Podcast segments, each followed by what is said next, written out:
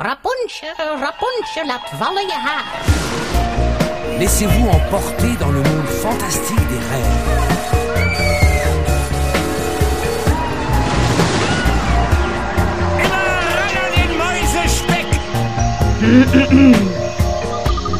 Het is weer ochtend in Pretparkland. Goedemorgen pretparkland en dit is 100% zeker je ochtendelijke pretparkpodcast. Mijn naam is Erwin Taats en Yves de Klerk en ik maken vanochtend onze kans.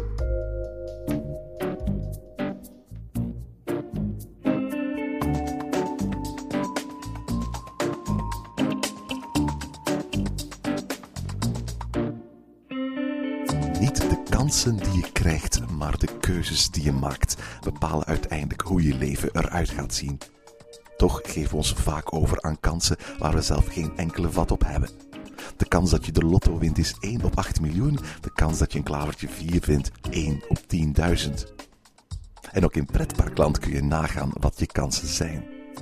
Dat is wat we in deze reeks vanochtend in Pretparkland doen. Geen kansberekening of statistiek, maar pretentieloos natte vingerwerk en toekomstvoorspellerij. In Wat is de kans dat debatteren Yves en ik over de waarschijnlijkheid of onwaarschijnlijkheid dat iets op korte of op middellange termijn gaat gebeuren in Pretparkland. Goedemorgen Yves. Goedemorgen, Erwin. Zeg, eh, de luisteraars kennen het nog van uh, vorig seizoen. Toen hebben we twee afleveringen zoals deze gemaakt over uh, Disneyland Parijs en over Europa Park. En aan het eind van onze vorige aflevering over Disneyland Parijs hebben we gevraagd aan onze luisteraars van stuur ons een mailtje met een aantal stellingen. En we hebben een heleboel reacties gehad. Hè? Ja, dat is wel altijd tof dat wij natuurlijk ook alleen reacties krijgen van de luisteraars. En dat maakt het ook een beetje interactief natuurlijk. Ja, absoluut. En ook voor de volgende aflevering gaan we vragen om, om reacties te sturen. alle vragen die van luisteraars gehad hebben, die heb ik in Evernote gestopt. En met het appje Evernote Peak kunnen we via de iPad willekeurig die, die, die stelling, ik zeg vragen, maar het zijn eigenlijk stellingen um, um, uh, weer laten geven. Dus we laten ons beiden verrassen. Het zijn allemaal dingen die de luisteraars besloten hebben. En we gaan dus luisteren naar een aantal stellingen, een tiental gaan we doen of zo. Daar hebben we ongeveer de tijd voor vandaag over de Efteling. Voor name de toekomst van de Efteling. We gaan telkens zeggen wat de kans is, wat wij denken, dat iets gaat gebeuren in de toekomst van de Efteling. Ja, inderdaad. Uh, we hebben de stellingen zelf nog niet gezien, dus het, het, is, het is, verrassend voor ons. Dus uh, we gaan telkens uh, ja, na het lezen van de stellingen zelf moeten nadenken wat de kans zou zijn. Zeg even, we moeten misschien heel eerlijk toegeven aan onze luisteraars. We zijn alle twee abonnementhouders van de Efteling, hè? Ja, inderdaad. Dus eigenlijk zou je kunnen zeggen dat de Efteling een beetje ons, ons thuispark is. Ja, het is, het is voor ons beiden heel ver weg. Er zijn parken een stuk dichterbij dan de Efteling.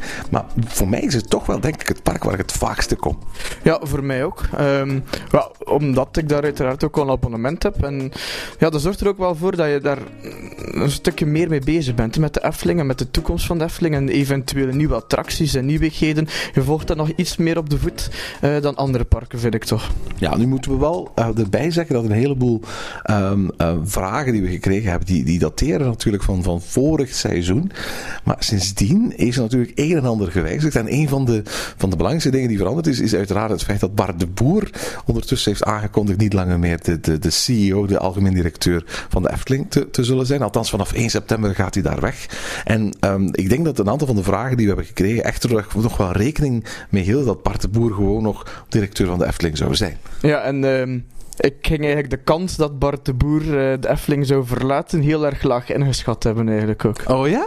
Ja, ik had het niet, niet, niet, niet zien uh, afkomen dat Bart de Boer nu uh, plotseling de Efteling zou moeten verlaten. Ik ging daar toch wel verkeerd gehokt hebben. maar het is vast geen van de vragen. We gaan eens kijken. Um, Yves, ik stel voor dat jij de iPad vasthoudt ja? en dat jij eens kijkt naar de eerste stelling. Goed Erwin, wat is de kans dat de volgende attractie een dark ride wordt? Wat is de kans? Hoe, hoog schat je de kans dat de volgende attractie de Efteling gaat toevoegen een dark ride gaat zijn? Um, de volgende attractie die, die van, mm, dan zouden we kunnen denken natuurlijk aan Hartenhof. Als dat de nieuwe attractie, de volgende nieuwe attractie wordt, dat zou een dark ride zijn. Mm, ik schat de kans toch niet zo hoog in eigenlijk. Ik ga 40% zeggen. Ja, de vraag is dus niet, is, is de volgende attractie Hartenhof, hè, maar is de volgende attractie een dark ride? Ja, dus inderdaad, 40% toch nog altijd. En waarom?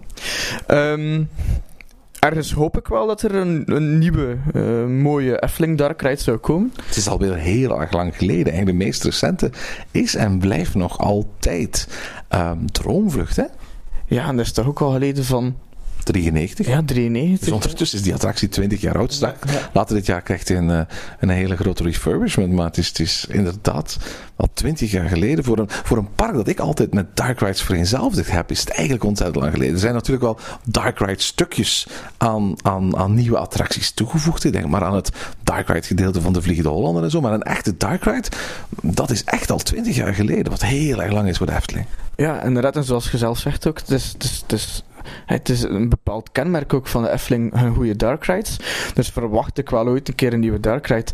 Nu, uh, de volgende nieuwe attractie, nou, dat zal volgens mij dan toch geen nieuwe dark ride zijn. Uh, eerder een kleine opvulattractie, zie ik wel. Uh, de Efteling heeft nog nooit echt opvulattracties gebouwd. Ik denk de enige twee echte opvulattracties in, in de geschiedenis van de Efteling zijn de Polka Marina en de Monsieur Cannibal. En die zijn alle twee ja, op, op pakweg vijf jaar tijd van elkaar gebouwd. Ja, maar waarom ik denk aan uh, een eerder een opvulattractie, dat is omdat Bart de Boer nu dus weg is. En uh, de Efteling heeft uh, kenbaar gemaakt om wat minder te investeren. Denk ik nu ook niet dat er enorm gaat geïnvesteerd worden in een nieuwe dure dark ride. Dus denk ik eerder aan een, aan een opvulattractie. Wat van mij ook altijd mag komen is een, een nieuwe oh ja, spectaculaire achtbaan. Dat mag er ook nog bij in de Efteling. Um, ja. Als je zegt opvulattractie, wat, wat voor attractie denk je dan? Ja, toch, toch, toch gewoon iets, iets kleins. Dat kan een bepaalde soort draaimolen zijn.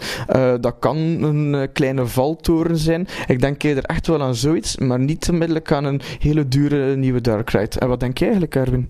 Ja, dat is eigenlijk wel opvallend. Hè? Ik, ik associeer de Efteling altijd met Dark Rides. Maar als je gaat nadenken over, over de Efteling en Dark Rides, dan, dan besef je eigenlijk dat alle Dark Rides van de Efteling, Carnaval Festival, Fata Morgana, Droomvlucht eigenlijk gebouwd zijn op een tijdspanne van 9 jaar. Dus in de geschiedenis van 60 jaar is een periode van 9 à 10 jaar geweest waarin alle rides gebouwd zijn. En die andere 50 jaar van de Efteling, dan hebben ze wel sterk gethematiseerde dingen gebouwd, hè, sprookjes en zo.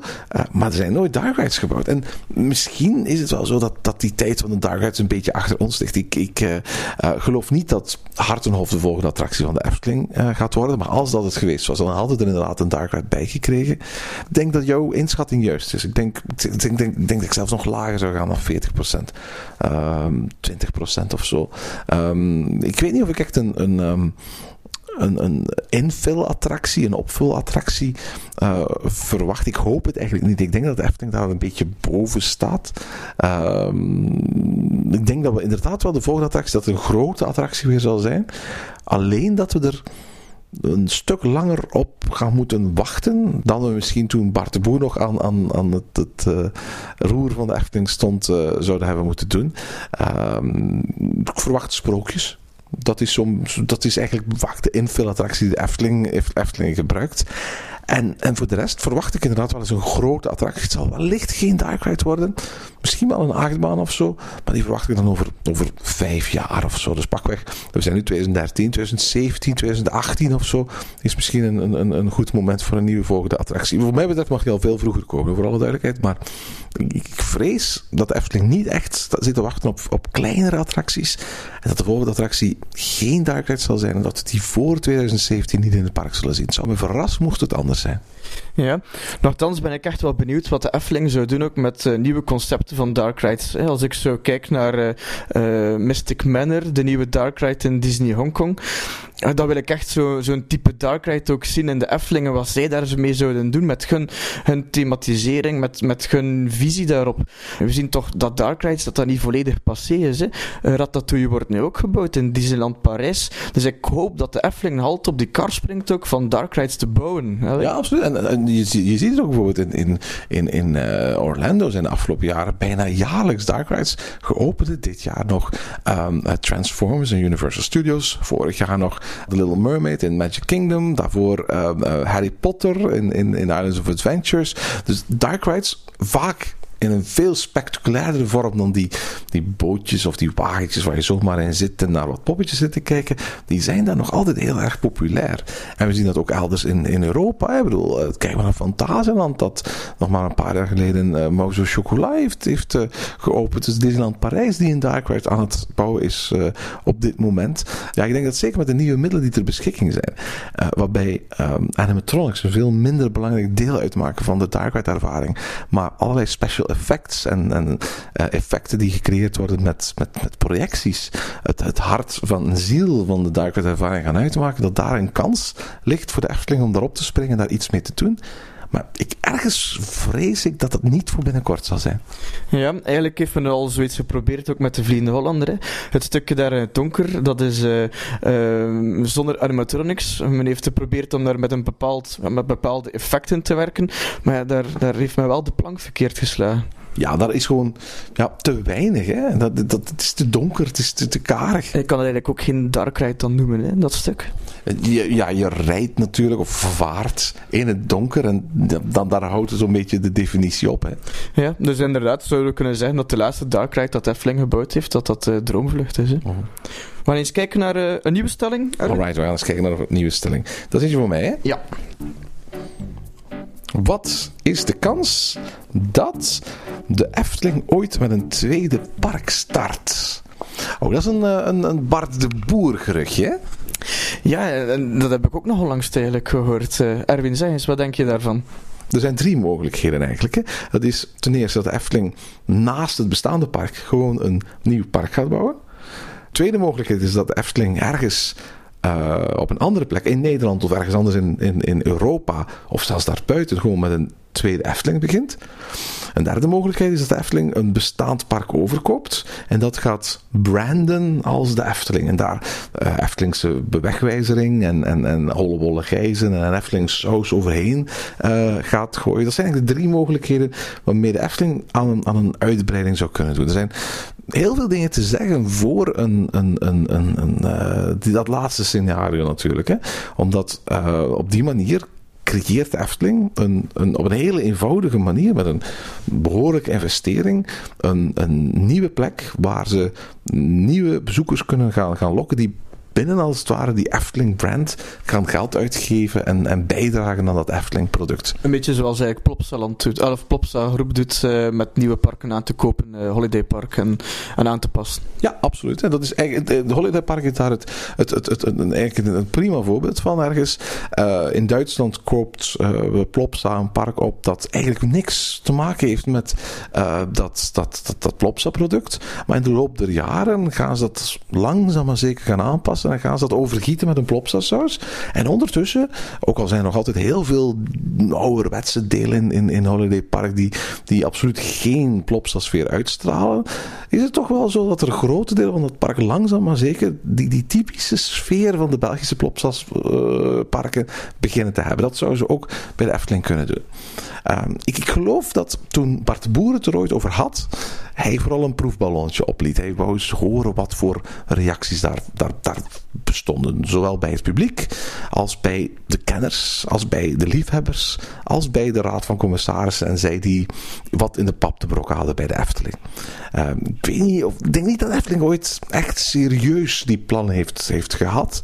En stel dat dat zo was, dan staat mij ook de vraag welk park daarvoor in aanmerking zou komen. Ik had wel het gevoel dat de Efteling um, eigenlijk alleen maar die derde optie, namelijk het overkopen van een, van een, van een park elders, serieus uh, wou uh, bekijken. Ik denk niet dat de Efteling het gevoel had van dat ze ergens in Nederland met een nieuw park moesten, moesten beginnen. Ik denk dat de, de, de, enorme fondsen die je moet hebben om met een nieuw park van nul te kunnen beginnen zo enorm zijn dat zeker nu we weten dat de Efteling een periode van consolidatie heeft, het te gek voor woorden zou zijn mochten ze ergens een nieuwe Efteling gaan bouwen. Er zijn nogal wat noodlijdende parkjes in Europa.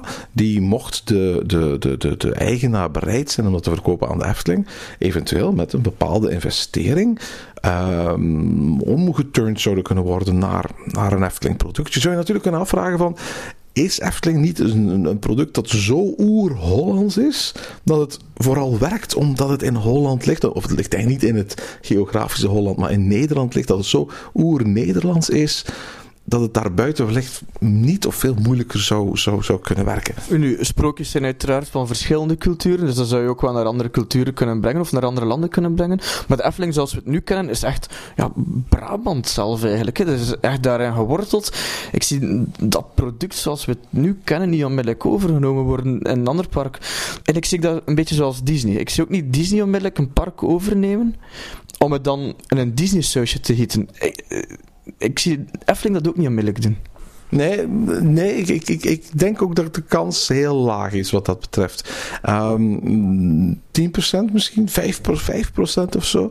Um, weet je wat, het is wel zo dat Efteling de afgelopen jaren een heel sterk merk is geworden. Het, de naam Efteling, het logo Efteling en een heleboel dingen die met Efteling te maken hebben. Figuren als hollebolle gijzen, bepaalde bewegwijzering, een bepaalde manier van, van horeca aanbod. Die zijn bij het publiek een soort van gemeengoed geworden. En ik kan me bijvoorbeeld voorstellen, ik zeg maar iets, hè, de Efteling uh, in Brabant zou bijvoorbeeld een Efteling sprookjesrijk kunnen, kunnen, kunnen worden. En dat de Efteling bijvoorbeeld ervoor kiest om bijvoorbeeld ergens een dierenpark over te nemen. Dat dan Efteling dierenrijk wordt, waar dan wel ook hollebolle gijzen op staan.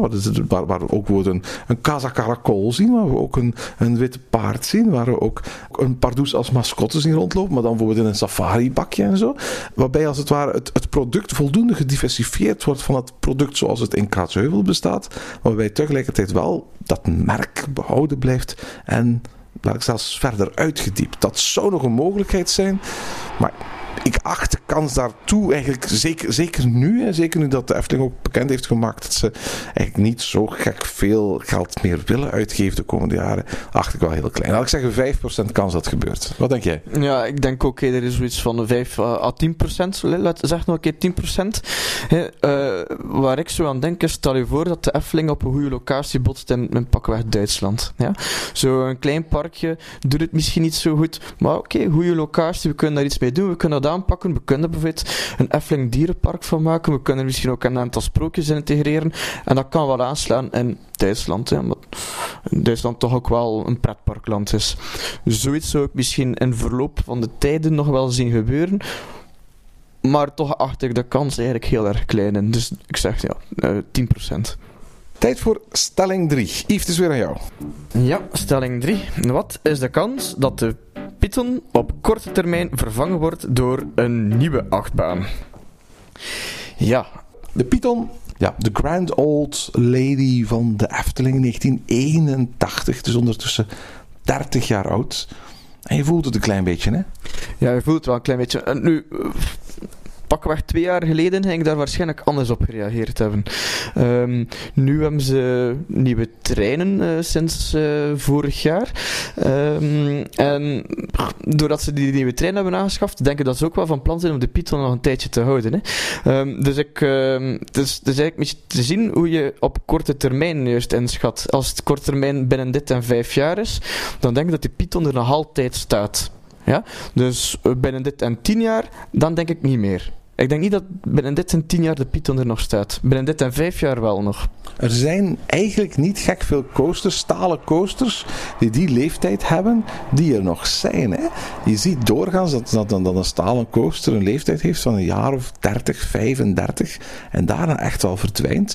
Of je moet al heel grote kunstgrepen gaan uitvoeren om die nog in leven te houden. De Efteling heeft altijd heel erg veel zorg gedragen, voor de Python.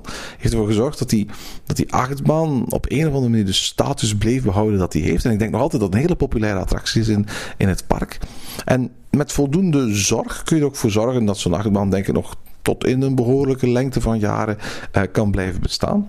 Uh, ze hebben ook al tal van ideeën gehad hè, om het ding uit te breiden. Het Python Plus project.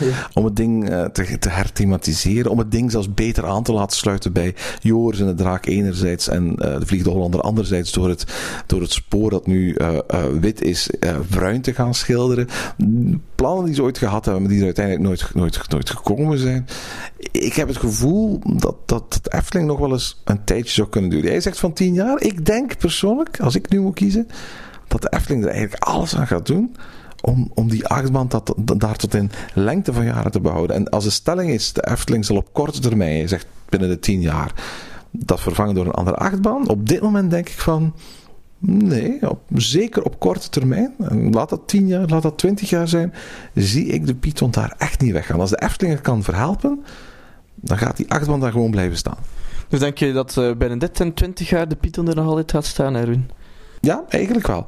En uh, ik denk dat de Efteling daar heel veel aan gaat doen om dat, om dat te doen. Het zou mij heel erg verbazen mocht zo'n iconische achtbaan, zo'n herkenbare achtbaan uit de Efteling uh, verdwijnen. Het wordt een hele treurige dag als dat ooit zou aangekondigd worden. Nee, ik denk niet dat Efteling dat gaat doen. Dus de stelling, de Efteling, de, de, de Python verdwijnt op korte termijn uit de Efteling en wordt vervangen door een andere achtbaan. 5 à 10 procent. Maar jij kiest hoger, hè? Maar ja, uh, ik ga ervan uit dat hij binnen dit en 10 jaar zou weg zijn. Ik schat het, uh, de stelling op 60%. Naar de andere kant zitten we natuurlijk ook nog met de Bobbaan. Dat is ook al een oude achtbaan. Heeft uh, toch ook al wat voor wat problemen gezorgd in de Efteling. Uh, denk maar aan het geluid en dergelijke. En de wieltjes die vervangen zijn en zo. En de capaciteit.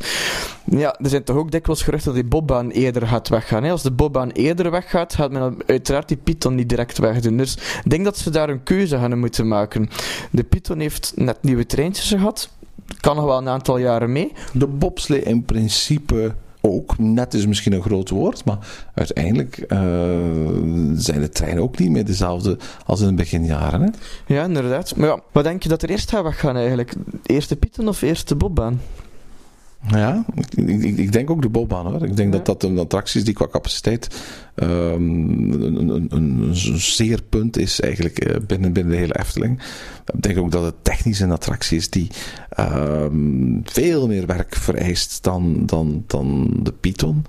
Uh, denk, als er een van de twee moet weggaan, denk ik dat Efteling er alles zal doen om die toch heel lang te behouden. Want de bobsleebaan blijft zeker als, als type vrij uniek, zelfs binnen Europa. Uh, dus ik, ik, ik zie denk nog wel een tijdje blijven bestaan. Maar ik denk, als, als we echt zouden moeten gokken, dat ik de Bob eerder zie weggaan dan de Python. Ja, ik, ik, ben wel een fan eigenlijk van die Bobbaan. Ik, ik doe die eigenlijk heel erg graag. Ik doe die liever dan de Python ook. Uh, maar de Python is inderdaad, ja, dat is een, een monument. Hè. Dat is nostalgie. En uh, eigenlijk is dat al nostalgie. Zo'n grote achtbaan, en de tijd dat hij gebouwd is. Nu is dat nostalgie en dat past wel perfect ook binnen de Efteling. Um, maar ja, ze moeten het kunnen, uh, ze moeten kunnen houden, hè. ze moeten kunnen rekken, ze moeten het blijven goed onderhouden. Uh, toch zeg ik, kijk, 60% uh, voor de kans dat hij binnen dit en 10 jaar vervangen wordt door iets anders. Alright, volgende stelling. Ja, Erwin, het is aan jij om terug een stelling te lezen. Wat is de kans dat de Efteling wegzakt uit de top 5 van Europa? En ik neem aan dat de vraagsteller hier bedoelt de top 5 van meest uh, bezochte attractieparken van Europa. Voor alle duidelijkheid, op dit moment is de top 5 um, Disneyland Park met 11 miljoen uh, op 1. Daarna komen de Walt Disney Studios met 4,8 miljoen op 2. Dan Europa Park met 4,6 miljoen op 3. De Efteling met 4,2 miljoen op 4. En dan Tivoli Gardens met 4 miljoen op 5. En daaronder uh, hebben we dan meteen PortAventura op 6 met 3,5 miljoen. En dan zakt het al heel snel Liseberg 7 naar onder de 3 miljoen. En dus de vraag is, was de kans dat de Efteling uit die top 5 verdwijnt? Ik zie dat niet onmiddellijk gebeuren eigenlijk. Ik zeg uh, um, 10% zeg ik. Um, ik zie die Efteling wel nog naar plaats 5 gaan. Ik zie eventueel dat Tivoli Gardens uh, een plaatsje vooruit kan gaan en uh, plaats 4 gaan innemen. En uh, dat de Efteling een, een, plaatsje zakt. Dat, dat, dat zie ik wel nog gebeuren. Zeker als er geen nieuwe investeringen zijn de komende jaren. Dat de mensen misschien meer wegblijven uit de Efteling. En als er iets gebeurt in Tivoli Gardens, dat zij dan die plaats kunnen gaan innemen. Dus nu, uit die top 5, dat wil zeggen dus dat, dat PortAventura plotseling pakweg 2 miljoen bezoekers moet bij hebben. Dat zie ik niet onmiddellijk gebeuren. Uh, ze hebben nog maar net een grote investering gedaan met Shambhala. En ja, dat heeft blijkbaar niet echt veel geholpen om extra bezoekers te hebben. En uh, ja. Uh, ik denk ook wel niet dat de Efteling gaat stijgen in die top 5. Uh, Europa Park investeert goed. En tegen ja, Disneyland Resort dan is er maar weinig tegenin te brengen. Hè? Ja, ik denk ook dat uh, de kans dat het uit de top 5 verdwijnt op, op korte termijn lijkt mij um, niet zo heel erg waarschijnlijk. Ik ga, laat ik zeggen 20%. Waarom niet 0%? Dat ga ik uitleggen. Um, het eerste wat ik denk dat er wel zal gebeuren is dat de kloof tussen de top 3 en de top 5 die gaat, gaat groter worden. Europa Park haalt op dit moment 4,6 miljoen bezoekers, maar heeft aan de horizon en een nieuw hotel en een waterpark en een nieuwe grote attractie die voor volgend jaar uh, gaat openen. Ik zie Europa Park binnen twee à drie jaar over die kaap van de 5 miljoen bezoekers gaan. Dat zou mij eigenlijk niet verbazen. Zeker een waterpark, daar kunnen ze toch gemakkelijk een, een paar honderdduizend bezoekers extra mee halen per jaar. Dus dat Europa Park, dat zie ik naar die 5 miljoen gaan. Die Efteling, daar zie ik die 4,2 miljoen misschien niet vooruit gaan, maar juist achteruit gaan. Want er zijn een aantal, er zijn een aantal redenen voor. Hè. Ik bedoel, ten eerste, een, een, sinds het tweede jaar dat Bart de Boer de directeur is van de Efteling, is het zo dat de Efteling gestart is met het um, aanbieden van tickets aan, aan actieprijzen. Het belangrijkste daar is de Albert Heijn actie, waardoor jaarlijks toch een aantal honderdduizenden bezoekers met goedkope kaartjes de Efteling kunnen gaan bezoeken.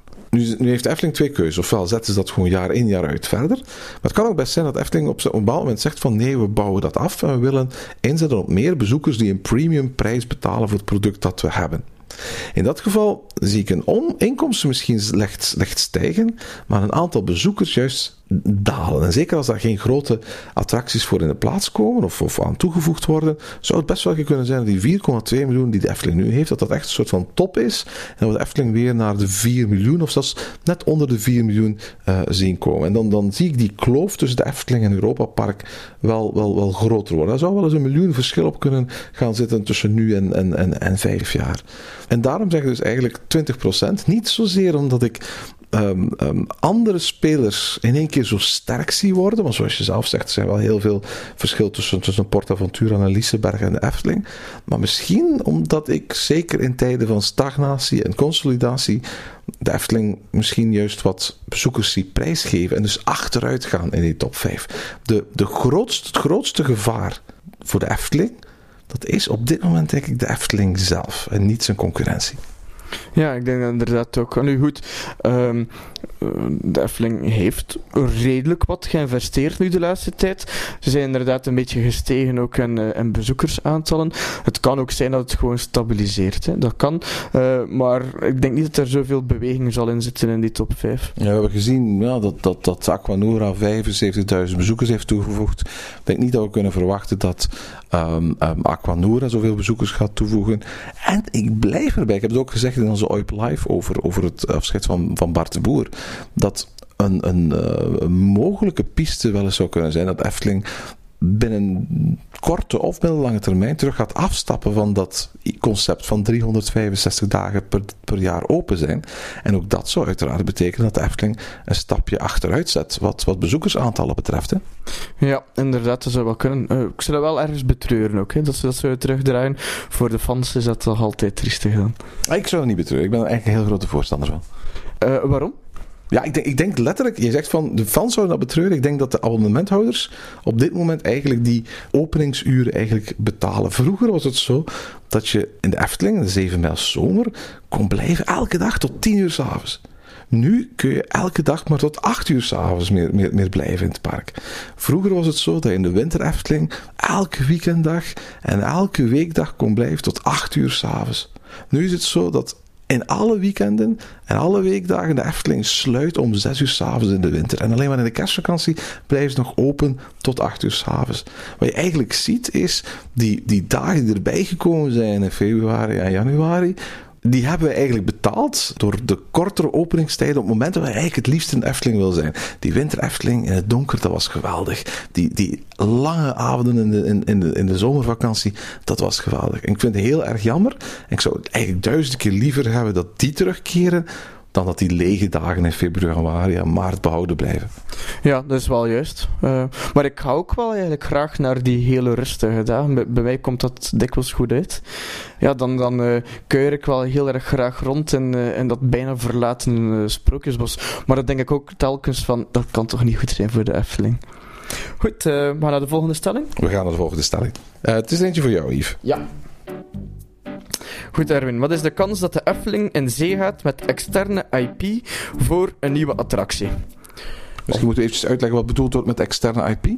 Dus uh, dat zijn uh, bekende figuurtjes, tekenfilmfiguurtjes, filmfiguren uh, van eigenlijk een ander bedrijf. Hè? Dus niet vanuit de Efteling zelf. Ja, op dit moment is het zo dat, dat nagenoeg alles wat in de Efteling staat gebaseerd is op um, interne IP, op, op figuren die ze zelf hebben, hebben ontwikkeld. Um, maar ik vind het een heel interessante stelling om eventjes over na te denken. Van op dit moment is het altijd zo dat Efteling zelf dingen bedacht, zoals Klaas Vaak of Joki of Ravelijn of, of uh, de Sprookjesboom. Zie je de Efteling nog externe IP aankopen van een of ander andere bedrijf om een attractie rond, rondop te bouwen?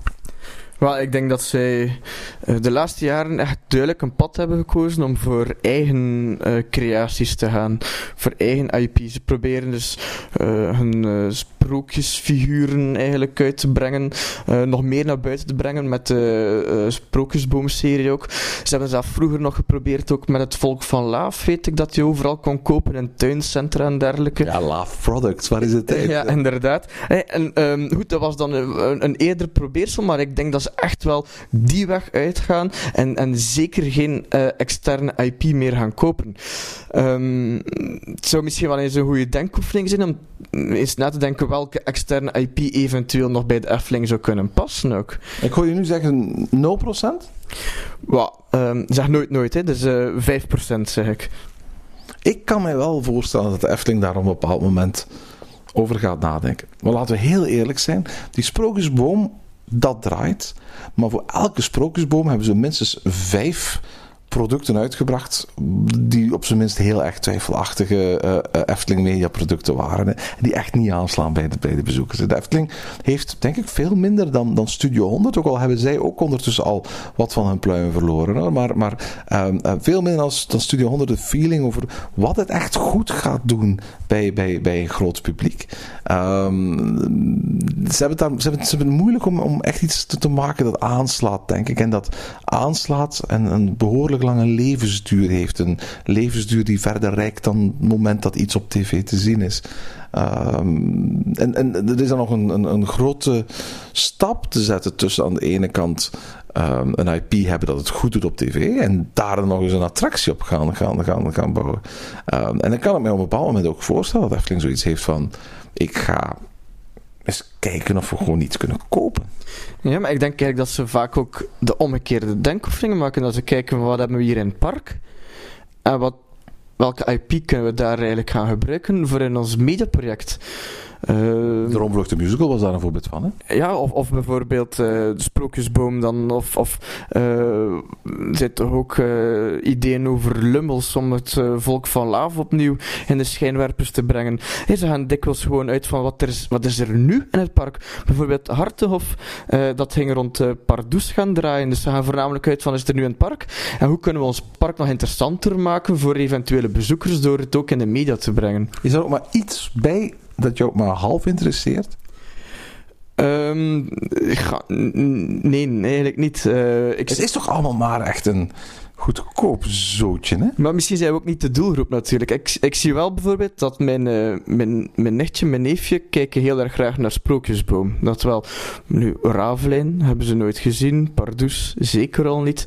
Dus het is inderdaad voornamelijk Sprookjesboom die, hen dan ook wel, uh, die, die dan ook wel bij hen aansluit. Dat is ook de, grote hit die de Efteling heeft gehad uiteindelijk. Hè? Ik weet niet in hoeverre dat, dat, dat die serie zich laat distributeren buiten Nederland en België. Maar, maar um, het is een bescheiden hitje je ziet ook dat die Sprookjesboom in het Sprookjesbos toch behoorlijk wat succes heeft. Hè?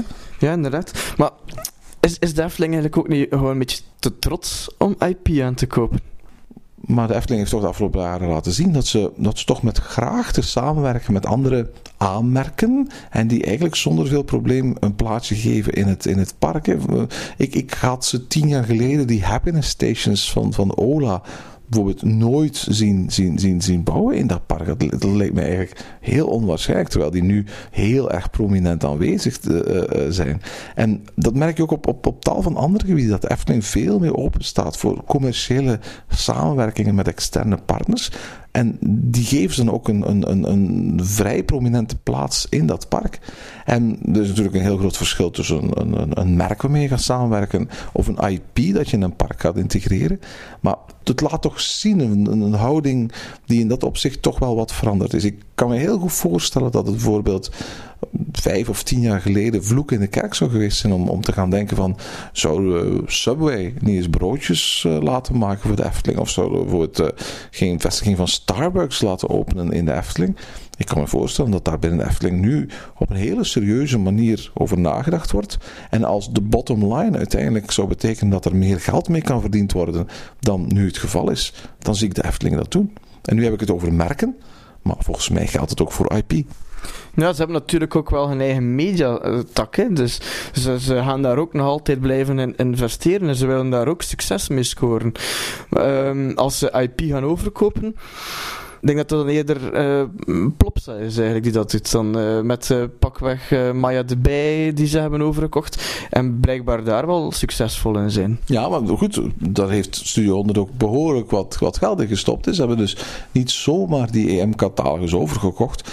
Um, ze hebben die overgekocht en vervolgens een behoorlijke investering gedaan in het opnieuw uitbrengen van, van Maya de Bij. Die tv-serie van Maya de Bij die op dit moment bestaat. Dat is echt een nieuwe tv-serie. Dat is niet zomaar die, die oude tv-serie ze gewoon uitbrengt. Dus in dat opzicht kan ik me voorstellen dat daar dat bijvoorbeeld Efteling ergens een soort van succesvolle uh, tekenfilm franchise van vroeger koopt en dan Efteling Media daar, daarop loslaat. Is er iets van IP waar jij aan denkt dat misschien wel geschikt zou zijn voor de Efteling? Ja, ik, ik, ben al de hele tijd aan het nadenken eigenlijk daarover, maar ik, ik, ik vind niet direct iets. Dus daarom zeg ik ook wel dat de kans eigenlijk heel erg klein is. Uh, zie jij iets, Erwin? Ik denk dat als, je, als, als de Efteling met IP uh, tevoorschijn zou moeten komen die niet van hen is, dan lijkt het mij dat het IP zou moeten zijn die op een of andere manier heel erg goed klikt met een eigen identiteit. En die identiteit die is oer en oer Nederlands. Die is op een of andere manier uh, heel erg sterk verbonden met dat, met dat, met dat, ja, met, met, met kinderen en met de, met de Nederlandse jeugd. En heeft ook iets tijdloos. Het mag niet zoiets zijn dat wij zo spreken nu heel erg trendy is en dan over vijf of zes jaar heel ouderwets. Nee, het moet iets zijn dat een soort van blijvende waarde heeft. Denk je, mag, mag ik u aanvullen? Ja, ja. Denk je aan uh, Jep en Janneke? Ja, ja, ja, ja, ja. Ik heb er ooit al over verteld. Hè? Absoluut, ja, ja, ja. Ik, ik, geloof dat, er, dat Jep en Janneke een van die grote onontholen IP's zit, waarvan een goed Nederlands park, dat kan een toverland zijn, dat, dat kan een Efteling zijn. Eigenlijk is zo moeten gaan nadenken van, kunnen we daar eigenlijk niks mee, mee aanvangen? Ik denk dat dat iets is. MG Schmidt is een, een, een begrip en haar boeken, haar rijmpjes, haar figuren, die blijven tot op de dag van vandaag voor voor een jonge generatie kinderen, maar eigenlijk ook voor alle generaties, zowel in Vlaanderen als in Nederland, heel erg relevant. Stilistisch is daar een serieus verschil tussen een piek van een Ton van de Ven, van een Den Dulk en de tekeningen van, van uh, Miep Westerdorp. Aan de andere kant is het natuurlijk wel zo dat we stijlbreuken wel eens vaker gezien hebben. En dat zolang als het ware dat, dat, dat Nederlandse gevoel, die identiteit goed zit, het wel eens zou kunnen zijn dat dat, dat op een of andere manier heel mooi aansluit. ik kan, ik kan me bijvoorbeeld perfect voorstellen dat in een Pikeriaans vormgegeven uh, omgeving um, een dark ride ontstaat, waar als je dan eenmaal binnen bent, die typische tekenstijl van Jip en Janneke tevoorschijn gaat komen. Het zou heel tof zijn om zo een, bijvoorbeeld een zwart-wit dark ride mee te maken. Ik denk dan bijvoorbeeld aan zoiets als Cat in the Hat in, Islands of Adventures of iets dergelijks. Dat is, dat, dat, dan, zoiets zou qua stijl volgens mij perfect in een Jip en Janneke omgeving kunnen passen. En volgens mij ook bijzonder goed aansluiten bij niet alleen de Efteling als stijl zoals we die kennen, maar ook de Efteling als vertegenwoordiger van Nederlands cultuurgoed. Ja, misschien moeten ze dan eerst eens uh, proberen met bijvoorbeeld een kleine speeltuin al en, en, en, en Bijvoorbeeld, ja, een van de kleuter, bijvoorbeeld die kleuterhof ja. bij, bij, bij uh, uh, het café-restaurant in, in, in Rijsrijk. Om daar eens bijvoorbeeld die, die dingen daar een Jip en Janneke look te geven of zo. Ja, en nu als we dan toch bezig zijn over echt uh, nostalgie en Nederlandse kinderseries. Ik weet, dat misschien niet onmiddellijk passen binnen de Efteling, maar dan zou je misschien ook eens kunnen nadenken over Sesamstraat. Bijvoorbeeld. Dus een- Sesamstad is uiteraard een, een product van, van de Amerikaanse openbare omroep. En Jim Henson natuurlijk. Dus het is een op- en top Amerikaans product. Maar dat wel voor een heel groot stuk vernederlandst is. We hebben het ook in andere parken. Ik geloof dat het ook nog in het land van ooit heeft, heeft gestaan en zo. ehm, ehm, eh, is opgedoken. Maar eh, misschien is zelfs Sesamstraat ook een, een, een mogelijkheid. Wat ik mij moeilijk kan voorstellen dat bij, bij dat product ehm Efteling Media bijvoorbeeld ook een, een, een belangrijke rol zou kunnen spelen. Wat, wat bijvoorbeeld bij eh, Jip en Janneke wel een mogelijkheid zou zijn, lijkt mij. Ja, dat is juist. Maar misschien eh, een Sesamstraat eh, musical of zo. hè. Bijvoorbeeld, ja, ja, maar waarom zou dat eigenlijk niet passen bij Efteling? Je hebt daar heel, heel, heel, ja, absoluut. Nu, in, in dat soort dingen moeten we durven denken. Ik denk eigenlijk hè, dat, ik- hoe lang gaat de Efteling nog doorgaan met het maken van dat soort halfbakken tv-programmaatjes voor, voor, voor kinderen? Ik, denk dat ze op een bepaald moment ook de, de handen in de lucht gaan gooien en zeggen van als we het talent niet hebben, dan moeten we het kopen. En dat ze dan wel eens iets, iets gaan aankopen, zoals ooit Tita Tovenaar hebben aangekocht. En dan, dan is terugdelven in de geschiedenis van, van de Nederlandse tv-programma's en kinderboeken misschien interessanter dan kijken naar wat er nu hot en populair is. Ja, maar toch, toch blijf ik hopen dat de Efteling echt een mooi product zelf maakt. Dat aansluit ook in Nederland en Vlaanderen. En dat ze daar dan ook nog iets moois kunnen mee doen in het park. Je zou het verwachten. Maar weet je wat ik denk? Ik denk dat heel veel van die producten die Efteling Media uitbrengt, niet het resultaat zijn van ontwerpers, maar het resultaat zijn van marketeers. Die op zoek gaan naar een doelgroepenonderzoek, die op zoek gaan naar waar zit het gat in de markt en hoe kunnen we dat eh, volgens, volgens de verschillende marketingregels het beste opvullen. En daardoor denk ik dat ze er gewoon niet in slagen om een, om een likable product neer te zetten. De toekomst zal het uit te wijzen. Ik stel voor dat we naar de volgende stelling gaan. Wat is de kans dat, oh dat is een hele toffe, Pandadroom een andere 3D-film krijgt? Ja, Pandadroom was het ehm, zwaar gecontesteerde verjaardagsgeschenk van de Efteling voor zijn gouden jubileum. Zijn 50-jarige verjaardag in, in 2002. Ehm, ondertussen eh, draait die film daar al ja, 11 seizoenen, 12 seizoenen. Ehm, en ik geloof dat tot 2017 het contract met het Wereld Natuurfonds, dat een groot deel van die attractie sponsort, nog loopt. En de vraag is dus, wat is de kans dat die film vervangen wordt door een andere 3D-film? Ja, 80% toch wel. Maar ik denk dat de kans dat er helemaal geen 3D-film meer komt, nog hoger is. 100%. Ja. Ik hoop voornamelijk dat hij ook het record van eh, Captain EO niet gaat breken. En dat hij... Oh god, ja. of dat we zo na tien jaar hem dan terugzien, de film. Ehm, nee, ik, eh, ik- Ja, wat hij gaat vervangen worden of niet, hè. Eigenlijk denk ik dat 4D-films... 3D-films, 4D-films... ehm, dat pretparken daar van dat idee moeten afstappen. Ja, de Efteling heeft eigenlijk de stommiteit begaan op het moment dat eigenlijk zo'n paar, een jaar, twee jaar voor de hele 3D-hetze in de cinemas en eigenlijk nu ook bij de mensen thuis eh, doorbrak om dan nog met een, met een 3D-film uit, uit te komen. En ehm, eigenlijk, ja, als je nu naar de bioscoop gaat, dan draait er altijd wel ergens een film in 3D. Dus zo bijzonder is dat niet. En ja, je, je krijgt, wordt een beetje nat en je bankjes zakken in op het einde, maar dat, dat, dat zijn uiteindelijk maar hele kleine toevoegingetjes in het geheel. Ehm, en ja, die pandadroom, dat heeft nooit 100% goed bij die identiteit van de Efteling gepast. Hè. Ja, inderdaad. eh, en, en eigenlijk, eh, ja, ook al is het natuurlijk de Efteling een natuurpark, ehm, het is ook geen eh, echte opbeurende film. En los daarvan, een, een natuurpark bij de Efteling, daar stel ik mij Brabantse bospaden bij voor. Daar stel ik mij eekhoorns bij voor en, en, en eikeltjes die uit de bomen vallen en, en eh, bomen met, met hele lange stammen en bovenin een toefje groen omdat het zandgrond is. Ik stel me daar geen poolgebied of een regenwoud of een, of een, of een oceaan bij voor. Nee, inderdaad, dat is juist. En daarom is die inderdaad ook niet op zijn plaats. Ehm, mocht die film verdwijnen, zou er eventueel een andere film kunnen komen. Wacht, laten we zeggen, Nee, nee, nee, laten we dat niet doen. ja, laten we zeggen dat, dat dat gebeurt, toch nog 70% is. Ja, 70%, 80%. Omdat ik eerder zie gebeuren is dat de Efteling daar een andere film in stopt, dan dat ze het gebouw volledig voor iets anders gaan gebruiken. Ehm, dan denk ik dat ze nog eerst gaan goedkoop willen scoren met kom, we gaan hier een nieuwe film in plaatsen. We kunnen daar opnieuw ehm, reclame mee maken, publiciteit. En uh, er gaan misschien wel een paar mensen op afkomen ook. Ik, ik, geloof dat, dat het feit dat ze daar zo'n bioscoopruimte hebben, dat, dat daar iets voor te zeggen valt om dat te behouden. Anderzijds, er zijn ondertussen wel een heleboel attracties die gebruik maken van film, maar die op de een of andere manier geen standaard 3D of 4D bioscoop zijn. Ik, ik kan me bijvoorbeeld voorstellen, ik vind Soarin' in Epcot bijvoorbeeld een geweldige attractie. Dat je die ruimte waar die bioscoop is gewoon gaat behouden. Dat je daar, dat je daar ombouwt met een, met een IMAX-scherm. En dat je daar een, constructie in gaat bouwen.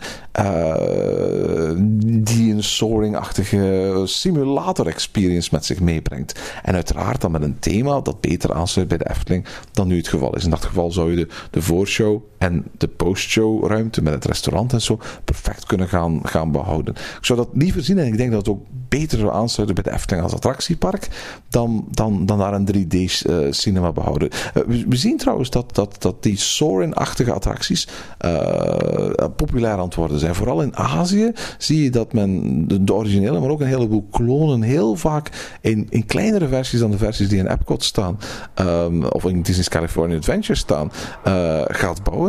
En ik denk dat ook de Efteling zo'n zo'n zo'n Soarin-kloon eigenlijk met, met, met een juiste film uh, zeker zou kunnen gaan aanbieden, waardoor we eigenlijk een beetje afstappen van dat standaard 4D-effect. En bijvoorbeeld een hele mooie vliegattractie, en zeg maar iets, een, een, een, een, reeks heksen of iets dergelijks die vliegen door de, de wereld van de sprookjes en, en, en allerlei verschillende sprookjesgebieden gaan, gaan bezoeken. En jij op je bezemsteel zit die achterna of zo, terwijl je via die simulator het gevoel van vliegen krijgt. Ik kan me voorstellen met die, met die panda-droomruimte best nog wat kunt, kunt, kunt doen zo, en tegelijkertijd afstappen van, van die 3D of 4D cinema.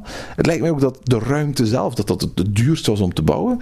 Dus dat je eigenlijk relatief voor relatief weinig geld, ik bedoel als je 17 miljoen geeft voor een, voor een, voor een fonteinenspectakel dan is alles veel geld natuurlijk. Maar dat je voor relatief weinig geld dat zou kunnen ombouwen tot een echte, tot een heuse attractie. Ik denk dat dat voor de Efteling uiteindelijk ook wenselijker is dan ooit gewoon de film vervangen. Ik denk dat de Efteling dat ook wel weet. Zo bij de tijd zijn ze nog wel. Vandaag dat ik de kans hoger inschat dat er een andere attractie in komt dan dat men gewoon op een bepaald moment die film gaat vervangen. Wat sowieso wel eens gaat moeten. Ja, maar ik denk... Allee, ik zou het enorm tof vinden mocht er een Soaring-attractie komen in Efteling, want dat is mijn favoriete attractie ook, Soaring. Um, we gaan sowieso een Soaring-attractie ergens bij ons in de buurt zien binnenkort. Dat gaat niet lang meer duren. Ja, uh, heel graag. Maar ik weet niet of dat... Uh, ik denk trouwens dat het gebouw eigenlijk te klein is ook voor een IMAX-scherm en de hele installatie van Soaring. Dus ik denk dat, dat ze daar al serieuze uitbreidingswerken moeten doen voor het gebouw. Um, maar ik hoop wel dat er inderdaad uh, dat de locatie gebruikt wordt voor een nieuwe attractie, voor een andere attractie. Dat, dat, dat, dat hoop ik enorm, ja. Zeg, gaan we nog één stelling doen, Yves? Het is aan mij verondersteld. Het is aan jou. Ja. Goed, Erwin. Wat is de kans dat de Efteling ooit een echt uitreik opent? Ja, heel tof dat de bedenken van de vraag ook het woordje echt daar, daar, daar uh, bij geschreven. Want eigenlijk is er al een beetje een uitreik, hè? Um, in, de, in de zin van... Nou, er is een theater. Ja. En in dat theater is een buffetrestaurant dat een aantal dagen per week open is. Ja, inderdaad. Ja. Dat zou inderdaad een beetje kunnen zien als uh, het begin van het uitreiken dan. Ja, je hebt daar die vrolijke noot, een paar van die frietenten, waar je, als je niet al te lang blijft wachten na Aquanura nog snel een frietje kunt halen. Ja, um, maar bij een uitrek zie ik het toch echt wel buiten het park ook. Hè? Dus uh, het theater en uh, restaurant Applaus uh, ligt wel nog altijd binnen de parkgrenzen. Hè? Dus het uitrek, dan moet dat eerder zoiets zijn als pakweg de Village dan in, in Disneyland Parijs. Dat is eigenlijk wat met een uitrek bedoeld wordt. Ik, ja. ik, moet wel toegeven wat ik altijd denk dat het uitrek, dat de plaats die de Efteling voor het uitrek in, in, altijd voor ogen heeft gehad, de omgeving rond het theater is. Ja, nu, dat uitrek, de kans dat dat uitrek er ooit komt, ooit, hè, dus uh, 70%. 70%, ja. Ja, dan hou je natuurlijk heel veel deuren open, hè, maar inderdaad, ja, ja, laat ik zeggen van, van een ja, 30, 40% of zo. Ik, men is er nu al heel erg lang mee bezig. Ik bedoel, dat Efteling Theater in 2002, hè, dat is ondertussen al 11 jaar geleden geopend, dat moest zogezegd een opmaat worden voor dat uitrek. Na 11 jaar hebben we er eigenlijk nog maar heel weinig echt van gezien. Het gaat wel heel traag in de Efteling. Dus de vraag is nog van of, of binnen ons, ons uh, Efteling abonnementschap, laten we het even zo uitdrukken, dat we daar iets wezenlijks gaan zien. Um, terwijl er heel veel plannen waren. Er waren ooit plannen voor, voor een, een, een restaurant waarbij je uh, met uitzicht op, het, uh, op de Vonderplas kon eten. En ik kan me bijvoorbeeld heel mooi voorstellen dat je daar een, dat je daar een veranda gaat bouwen van waar je kunt uitkijkend op, op Aquanura kunt gezellig dineren na afloop van je, van je park.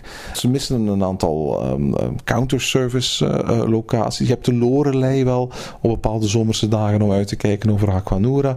Uh, je hebt dat theater, maar dat wordt heel schaars gebruikt. Het aantal speeldagen van de musicals is wel heel erg beperkt.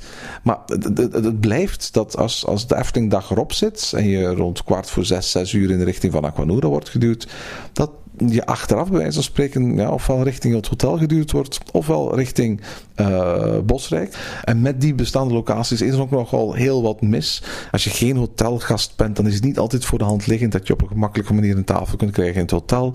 De, de carouselbar is op iets wat drukke dagen al heel snel overbevolkt. Uh, en in het, uh, bos, in Bosrijk, het eethuis, ben ik nog wel een aantal keren erop geweest dat als niet Bosrijk gast uh, ik eigenlijk geen tafel meer kon krijgen. Dus het is niet ideaal natuurlijk. Hè. Ik, ik geloof echt dat daar een markt voor is. Dat als je daar een, een, een één of twee of drie degelijke restaurantjes in verschillende prijsklasses uh, rond dat, dat theater, rond de ingang zou bouwen. Um, en op zo'n manier dat het ook duidelijk is voor de bezoekers dat die er zijn. Want laten we heel eerlijk zijn, hoe mooi applaus ook is. Applaus is, is weggestopt in een, in, een, in, een, in een hoek waar amper iemand komt. En ik kan me voorstellen dat het niet makkelijk is uh, voor die mensen om, om ervoor te zorgen dat het daar elke dag weer vol zit. Um, maar als je ervoor zorgt dat het echt opvallend aanwezig is, die drie of vier restaurants die daar in de buurt van, van de ingang zouden zijn, dat men daar toch echt wel recetten kan, kan, kan uh, opleveren. Ja, inderdaad. En ik denk ook dat er zeker een markt is. Hè. Maar stel ik ervoor, hè. we gebruiken onze verbeelding, dat er uiteindelijk een nieuw hotel bij komt. He, dus nog wat meer mensen die daar ook s'avonds moeten eten, eten en, en, en, en, en zich bezighouden ook. En de standaardlocatie die altijd uh, genoemd wordt uh, voor een, een, een, nieuw hotel, dat is eigenlijk de plaats van de oude kantoren van de Efteling. Hè? Dus achter Vogelrok en Carnaval Festival. Ja, he, dus uh, die mensen zijn er dan ook. S'avonds moeten eten. stel je voor dat er, ik zei het, ik gebruik misschien een beetje mijn verbeelding, dat er ooit een waterpark zou komen. Ja. Uh, opnieuw mensen dat je kan lokken, hè, zoals Aqualibi, dat is open tot 10 uur dikwijls. Hè, dus mensen die er ook s'avonds zijn, mensen die er ook misschien eten. Wel, in, dat opzicht zeker gerust uh, een aantal restaurantjes bijkomen, zeker ook zelf een aantal winkeltjes bijkomen. En op die manier hebben we een heel mooi, hopelijk gezellig uitrijk. Ik zie zoiets ooit nog wel komen. Ja, het is moeilijk, hè? want ook al is de Efteling 365 dagen per jaar open, we weten dat het eigenlijk niet zo is. We weten dat als je daar op een doordeweekse dag in februari gaat, daar gewoon niet genoeg bezoekers zijn om bij wijze van spreken na afloop van het park nog drie of vier horecazaken open te houden natuurlijk. Dat trekt niet, dat gaat nooit voldoende, voldoende bezoekers halen. Uh, je zult het moeten doen op een aantal weekenden, je zult het moeten doen op een aantal hele drukke momenten tijdens de winter Efteling en tijdens de zomer Efteling. En ik kan me heel voorst goed voorstellen dat Efteling denkt van, ja maar voor, op zo'n beperkte tijd um, horecabouw, dat, dat, dat gaat zijn geld nooit opleveren. En dat dat eigenlijk een hele grote belemmering is voor heel van de, veel van de plannen. Dat ze nu wel eens die 365 dagen openstelling hebben uitgeprobeerd. Maar dat ze zien van ja, dat loopt in elk geval op de minder drukke periodes ook niet super. Ja. Het percentage dat ik erop zou drukken, 30 à 40 procent, dat drukt dat uit. Ik denk dat het de, kans op slagen hand in hand gaat met het, het uh, verhogen van de bezoekersaantallen op een voldoende groot aantal dagen. Um, als de Efteling daarin kan slagen, dan kunnen ze er ook in slagen om, om, daar, om daar horeca uit te bouwen. Ik denk niet dat iemand eraan twijfelt dat op een gemiddelde donderdag in augustus zo'n uitreik zijn geld gaat opleveren. Maar de vraag is niet of het in, op een donderdag in augustus zijn geld oplevert, maar ook of, of het op een donderdag in maart en in april en in mei zijn geld gaat opleveren. Um, en zolang dat niet zeker is, denk ik niet dat het zal komen. Maar, ik hoop wel dat er ooit komt.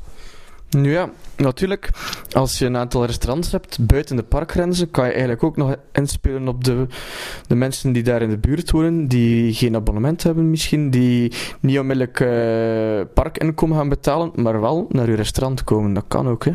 Dat kan ook, absoluut. Dat zou een andere mogelijkheid zijn. Efteling ligt wat dat betreft misschien niet niet echt ideaal. Ik bedoel, er zitten maar zoveel mensen in, in, in Loon op Zand en Kaatsheuvel en omgeving. En uh, dat zie je ook met dat, met dat, met dat musicaltheater dat ze daar hebben. Uh, mensen gaan niet speciaal uit Amsterdam of uit Antwerpen komen alleen maar om een musical te zien. Dus het bereik daarvan is, is relatief beperkt natuurlijk. Altijd, altijd raar gevonden trouwens dat ze dat, ze, dat, ze dat als, een, als een potentieel winstgevend iets, iets uh, zagen. Maar in dat opzicht uh, zou zoiets alleen maar lukken op het moment dat het ook qua, qua prijsstelling binnen het budget van zo'n beperkte doelgroep zou passen. En ik weet niet of de Efteling bereid is om dat te doen. Ja, nou, uiteindelijk zou dan uitrek misschien gewoon een frituur kunnen zijn. Laten we op van niet. Zeg Yves, eh, dat waren onze stellingen voor, voor deze aflevering. Um, ik stel voor dat onze luisteraars nog eens vragen om, om uh, stellingen voor een volgende aflevering uh, in te sturen. Ja, en over welk park gaan we het dan hebben, Erwin? we hadden het voor deze aflevering al zo, zouden hebben over de Plopsa-parken. Uh, dan stel ik voor is dat de luisteraars gerust vragen mogen mailen. Niet alleen over Plopsaland te pannen, maar eigenlijk over uh, ja, de Plopsa-parken in het algemeen. Absoluut, en dan gaan we in de volgende aflevering dieper ingaan op de vragen die we van jullie hebben ontvangen. Ja, inderdaad. Ik kijk er al naar uit, Herwin. En tot zover deze aflevering van Ochtend in Pretparkland. Heb je vragen of opmerkingen? Mail ons dan via ochtend.pretparkland.be. Meer informatie over onze podcast vind je terug op www.pretparkland.be en nieuwe afleveringen download je via onze website of via iTunes. Ochtend in Pretparkland is de pretparkpodcast voor vroege vogels. Bedankt voor het luisteren en maak er een fijne dag van.